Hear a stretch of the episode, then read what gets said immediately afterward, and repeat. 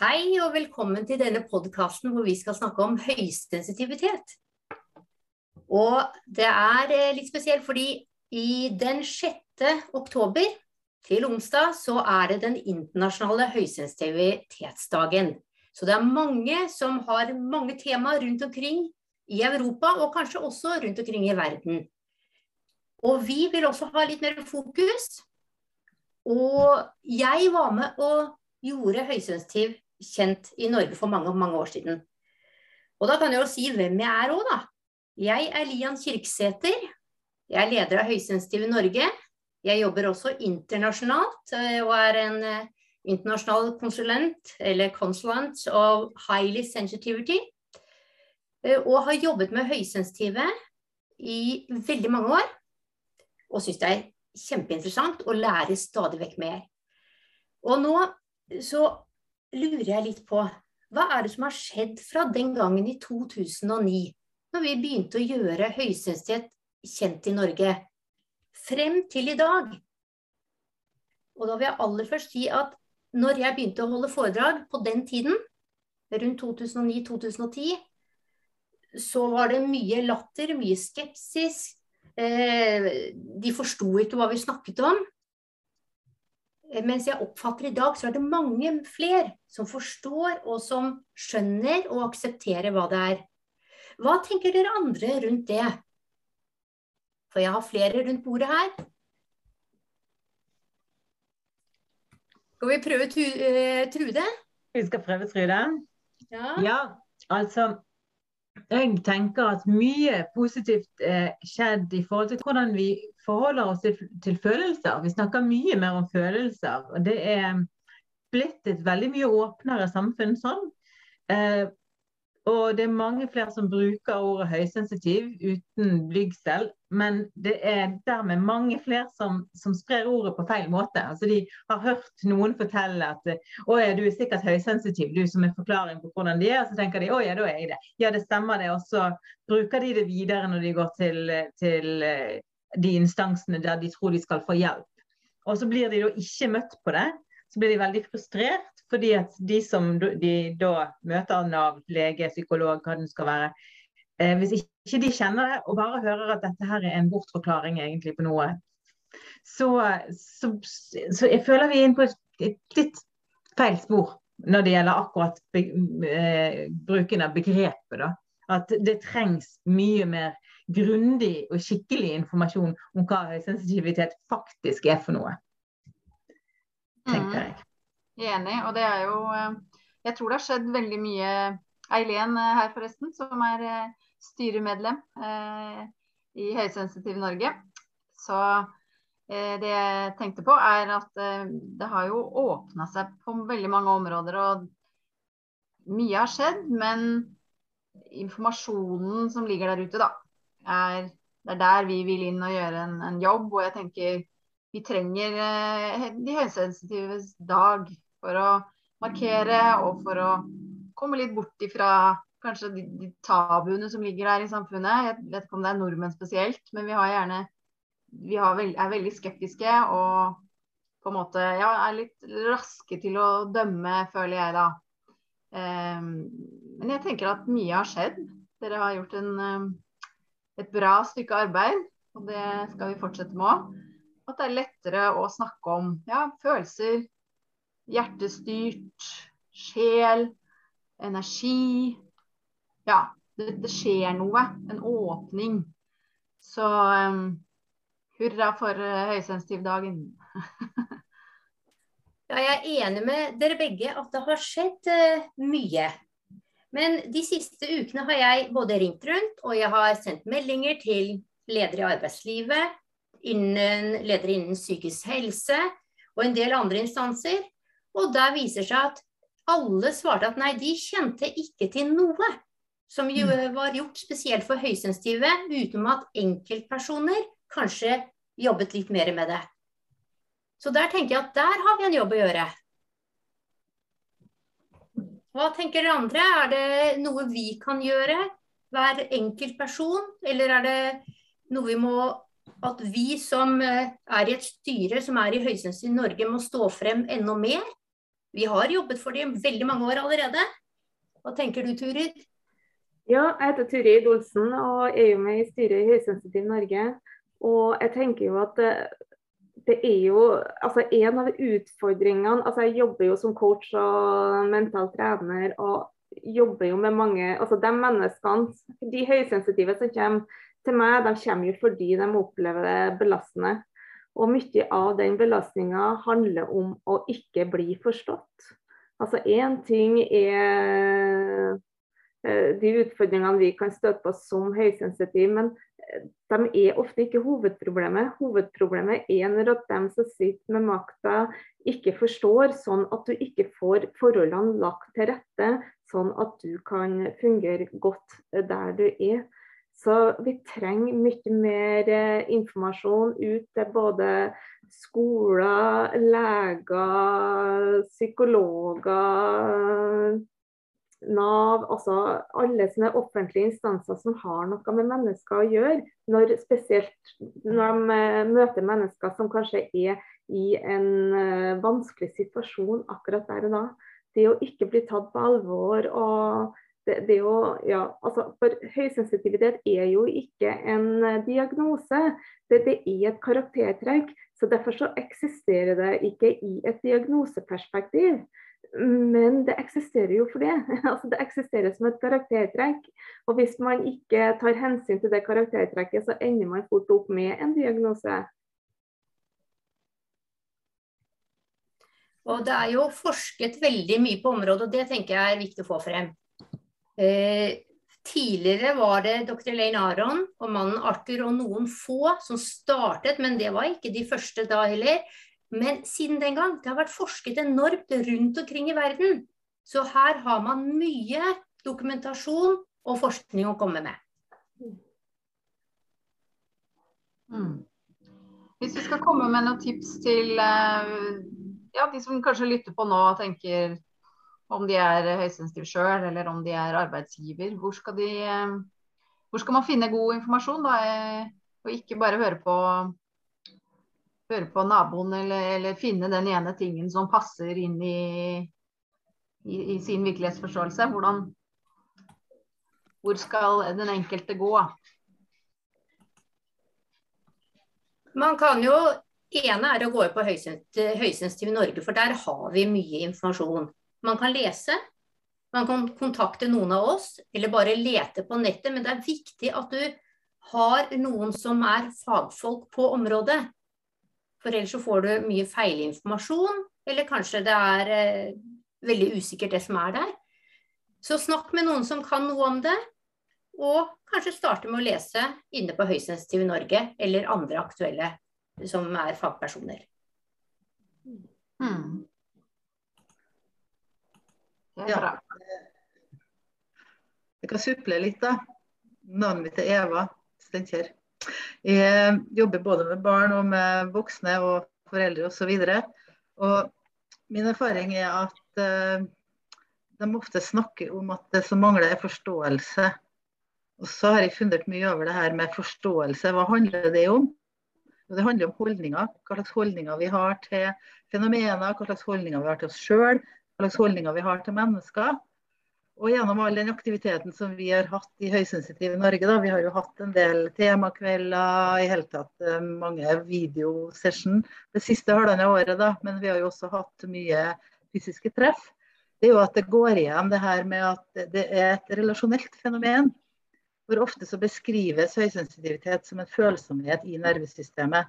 Men det er jo muligheter til at det kan bli noe positivt, eller at det blir noe negativt. Og Da vil jo det avhenge av hva slags relasjon man har, både til hverandre og til, til fenomenet. Da. Om man latterliggjør, som Lian snakka om, at eh, det er gjerne at man flirer av det for en 2012 ja, år siden. Det kan man jo gjøre i dag også. Eh, eksempelvis, jeg har noen grupper for folk som jobber med livsmestring. Så sitter de på et rom og så sitte klar. Altså, vi skal ha litt meditasjon og sånn, for det skal være bra. Det er noen gode verktøy for alle. Men kanskje spesielt også for høysensitive som tar inn mange inntrykk og trenger å samle seg. Og Så sitter de der, og så kommer en kollega sitter og mediterer sin. Ja, og jeg satt jo seriøst og varma meg opp i. Og så begynner han å fortelle om mora si som har meditert, men så hadde det blitt helt tull og alt. Og da kom på en måte den voldsomme latterliggjøringa. Det er i dag, altså det var fredag. Så, så det er liksom de holdningene de lever jo blant oss hele tida. Så det her da, å våge å ikke bli tatt med og nei, det er ikke så farlig, så jeg nei da, jeg tuller og tøyser med det òg. Og det er faktisk seriøst. Jeg sitter der og gjør meg klar for de skal møte mennesker på en sånn måte at de får tid og rom til å vise frem hvem de er, hva de er opptatt av. Det er jo ofte det som oppstår, har jeg hørt andre sagt, og kanskje sjøl opplevd som høysensitiv òg, at det er så mye slåssing om eh, samtalerommet. Hvis man har litt mer reflekterte ting, at man ikke klarer å si noe med en gang og være så offensiv, så blir man kanskje rett og slett bare overkjørt, oversett, over Altså, de gode tankene kommer ikke frem, da. Fordi at vi har det så travelt at, eh, at den tida Det er ikke så mange sekunder i en samtale før man er på vei til neste tema, eller hvor man nå er hen. Så, så det her, den dype bearbeidinga som høysensitive kan bidra med, er så viktig i samfunnet. Og det å være klar over at man har den evnen, da. Det kan jo være noe som man kan starte med, kanskje. Ja, jeg har tatt hånden min litt opp bare for å supplere bitte litt med at det, det, det, vi egentlig snakker om, også hvordan egentlig alle har behov for å bli møtt der de er. Sant? Hvis du trenger hjelp til noe, så trenger du i hvert fall bli møtt der du er. Og Det betyr egentlig at, eh, at folk, du trenger å bli trodd på.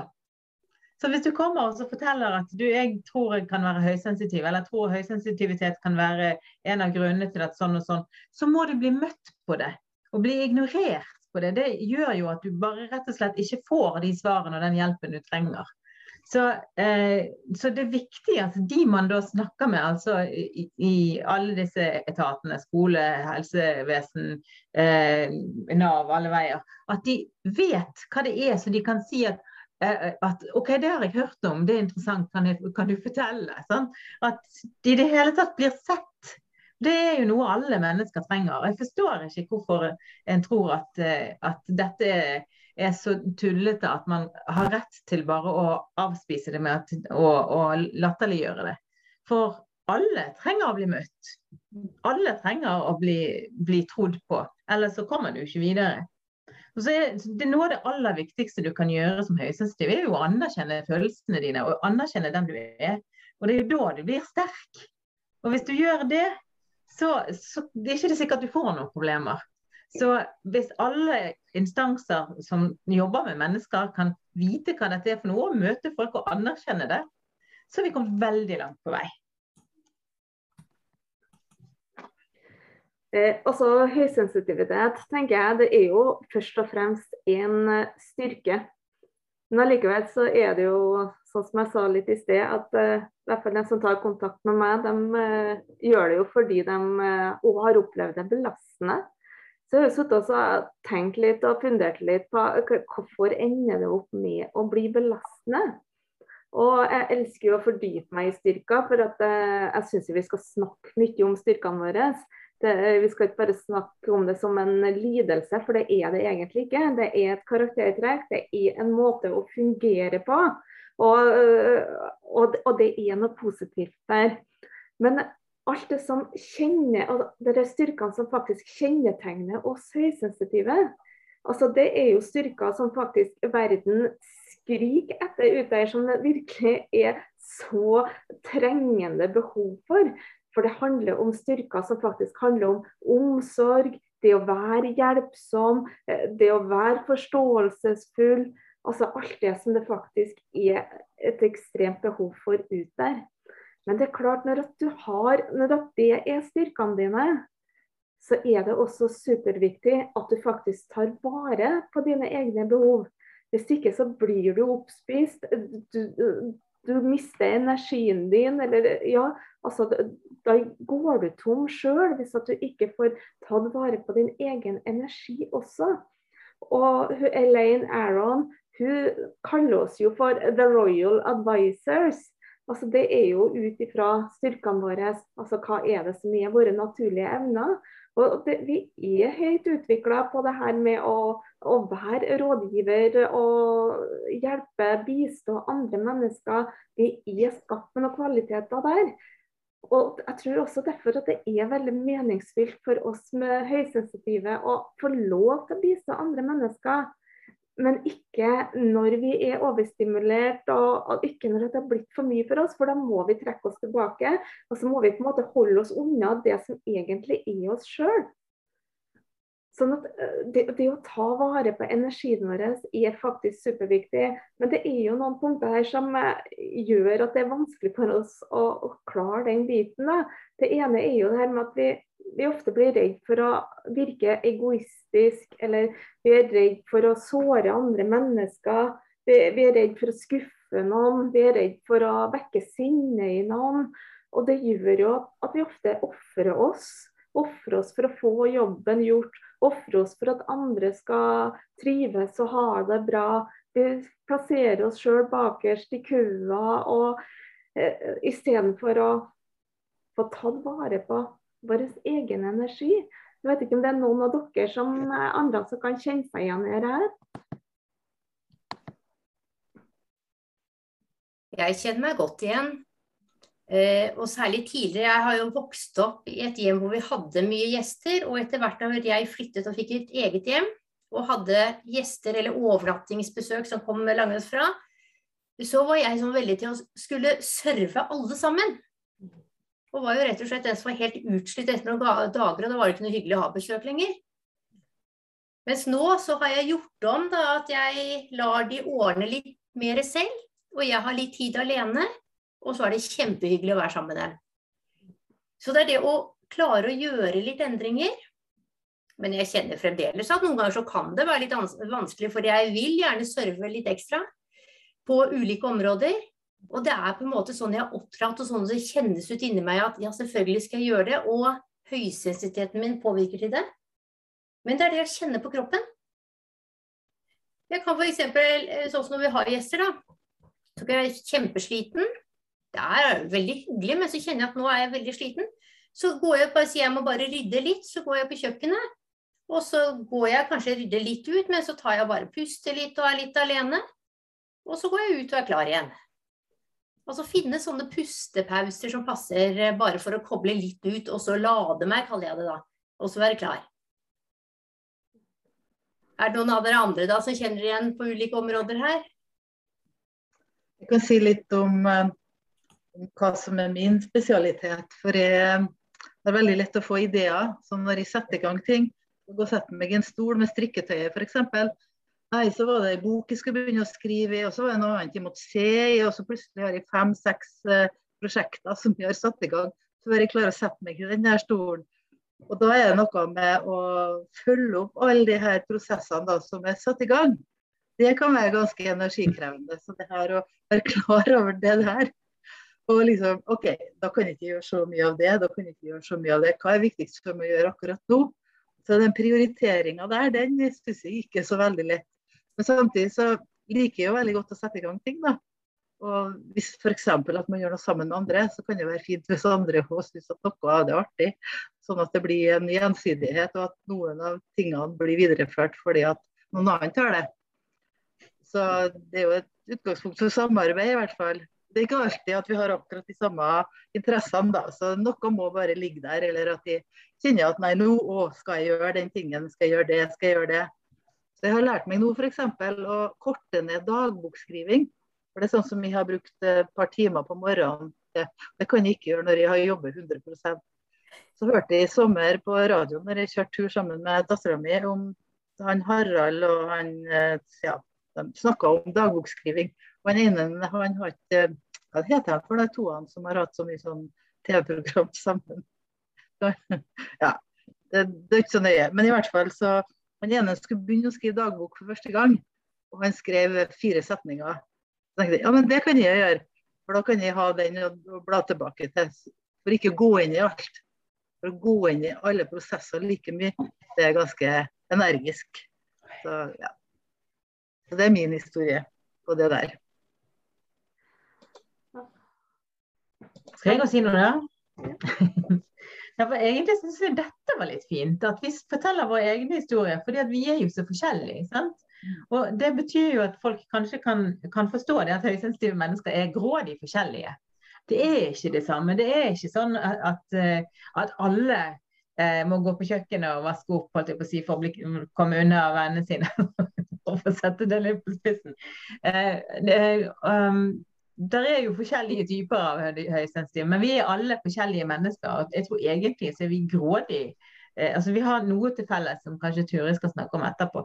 Mens, eh, mens det utgjør en, noen enorme forskjeller som egentlig gjør oss mer forskjellige enn andre. Og eh, sånn For min del så, så, er jo jeg også en sånn sensation seeker som eh, eh, som liker å liksom oppsøke sånne vanskelige ting. Sant? Jeg elsker, jeg elsker ikke, jeg hater det egentlig, men jeg kan fint gå inn i vanskelige samtaler. Uh, og jeg er den som oftest tar uh, konfliktene. Og det leser jo du alle steder, det gjør jo ikke høysensitive folk. fordi at en tåler ikke det. Jeg blir jo overstimulert. Men det blir jeg jo. Men det er bare det at jeg blir jo helt lykkelig av å ha gjort det. For det er noe med at, um, at da får jeg brukt meg sjøl og mine evner. For jeg er ganske god på det, og jeg får det til og kommer ut av en sånn greie på en ganske god måte. Eh, kanskje bedre enn andre.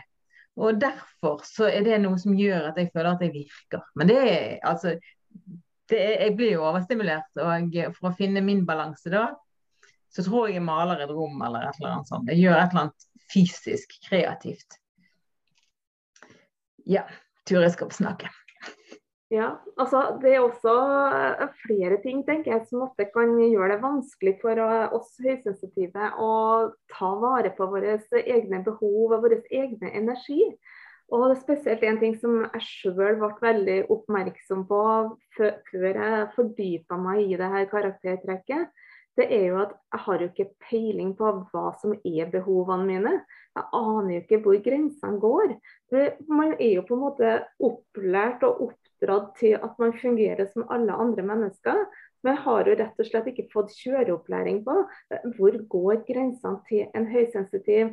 Og da klarte jeg jo heller aldri å være i, forkant av situasjonen og få satt en grense. At jeg, det her kan jeg være med på, men ikke, ikke lenger. Og, og, da oppdaga, da merka det jo aldri til ettertid at åh, nei, det her ble ikke bra. Det her gikk altfor langt. Det her skulle jeg ha sagt nei til. Og det kom liksom hele tida på etterskudd. Og, da ble det ofte såra og kunne oppleve at uh, Jeg følte at folk trampa på meg og at de utnytta meg. Og, for det er jo ofte den følelsen man får når ting har fått gått altfor langt. Da føler man seg liksom som et offer. Elin, har, har du noen tanker? Ja, ja jeg, jeg, sitter med, med, to ord, og det er orkidébarn og løvetannbarn. Den har vært veldig viktig for meg. At liksom det å, å, fordi at jeg har brukt veldig mye energi på å ja, forsøke å tilpasse meg og være ja, sånn som arbeidslivet i helsevesenet som sykepleier, da, som jeg har jobba med i da skal du bare woho, du skal stå på, og du skal mestre, og du skal vise, og du skal Kanskje nettopp fordi jeg har vært høysensitiv òg. Det skal liksom bevise enda mer på et eller annet eh, rart vis. Eh, men det å tenke på da, eller når jeg begynte å lese om at ja, vi er faktisk forskjellige, da. Og at orkideen har andre trivselsvilkår enn kanskje disse løvetannbarna som man sier som på en måte mestrer og har stått i masse ting, men allikevel får det til. da. Og da er det liksom en sånn en tanke som har, uh, har vært veldig god for meg. At uh, ja, men jeg må passe på min Ja, hva er min uh, blom, blomstringssone? Ja. Vi hjelper til å sette grenser og nok vann og nok lys og nok luft og nok Ja. ja, akkurat der du sier noe viktig der, Elin, for du nevner det med grenser. Fordi at eh, Å sette noen grenser for det, det tror jeg er veldig vanskelig for mange høysensitive. Vi føler oss så slemme hvis vi setter grenser og er redd for å såre noen hvis vi setter grenser osv. Men eh, når at vi er i forkant av situasjonen, lærer oss er litt detektivene i vårt eget liv og finne hvor er min balanse hen. Hva, hva er det jeg tåler, og hvor må jeg faktisk sette grenser? Da handler grensesettinga om deg sjøl. Den peker innover på deg sjøl. Hva, hva må jeg gjøre for å ta hensyn? Og det jeg sjøl opplever der, det er jo at når jeg presenterer det sånn, eh, så er folk faktisk veldig forståelsesfulle og respekterer grensene mine. Jeg kan ikke bli med på det møtet på onsdag, for nå har jeg møte på mandag og tirsdag. Da må jeg faktisk ha en dag å restituere meg på onsdag, så det må jeg faktisk si nei til møte på onsdag. Da har folk faktisk forståelse for det. De skjønner at jeg faktisk må ta vare på helsa mi.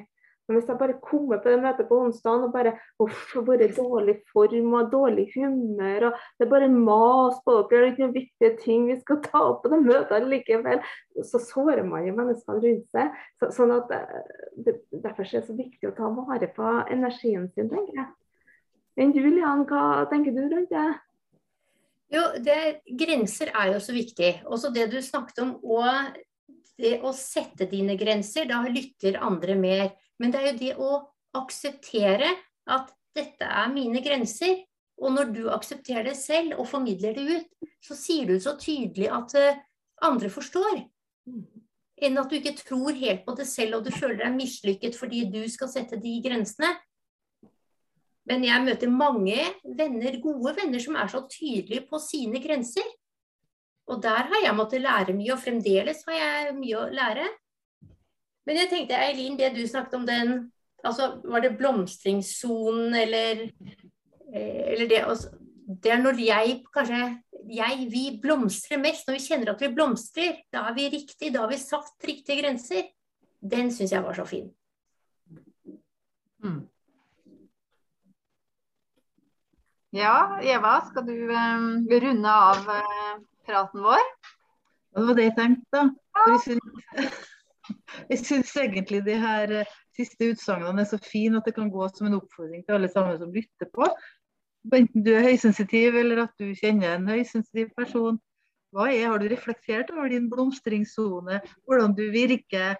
Er, hvor, hvor, trenger du å være litt tydeligere for at du tar vare på deg sjøl? For det er jo det viktigste vi kan gjøre. Og som Elaine Aron sier, hun har jo to sånne tips som hun starter med i bøkene sine. Det ene er jo det her å sette godt inn i hva karakterstrekket handler om. Og samtidig, når du, når du vet litt mer, hvordan skal du leve et liv som er mer i tråd med karaktertrekket. For det er den måten du kan få et uh, så balansert liv som mulig. Så jeg sender den videre til alle som lytter på. Og tusen takk for at dere hørte på oss. Og ta gjerne kontakt. Følg gjerne med oss i uh, i det vi holder på med. Mm.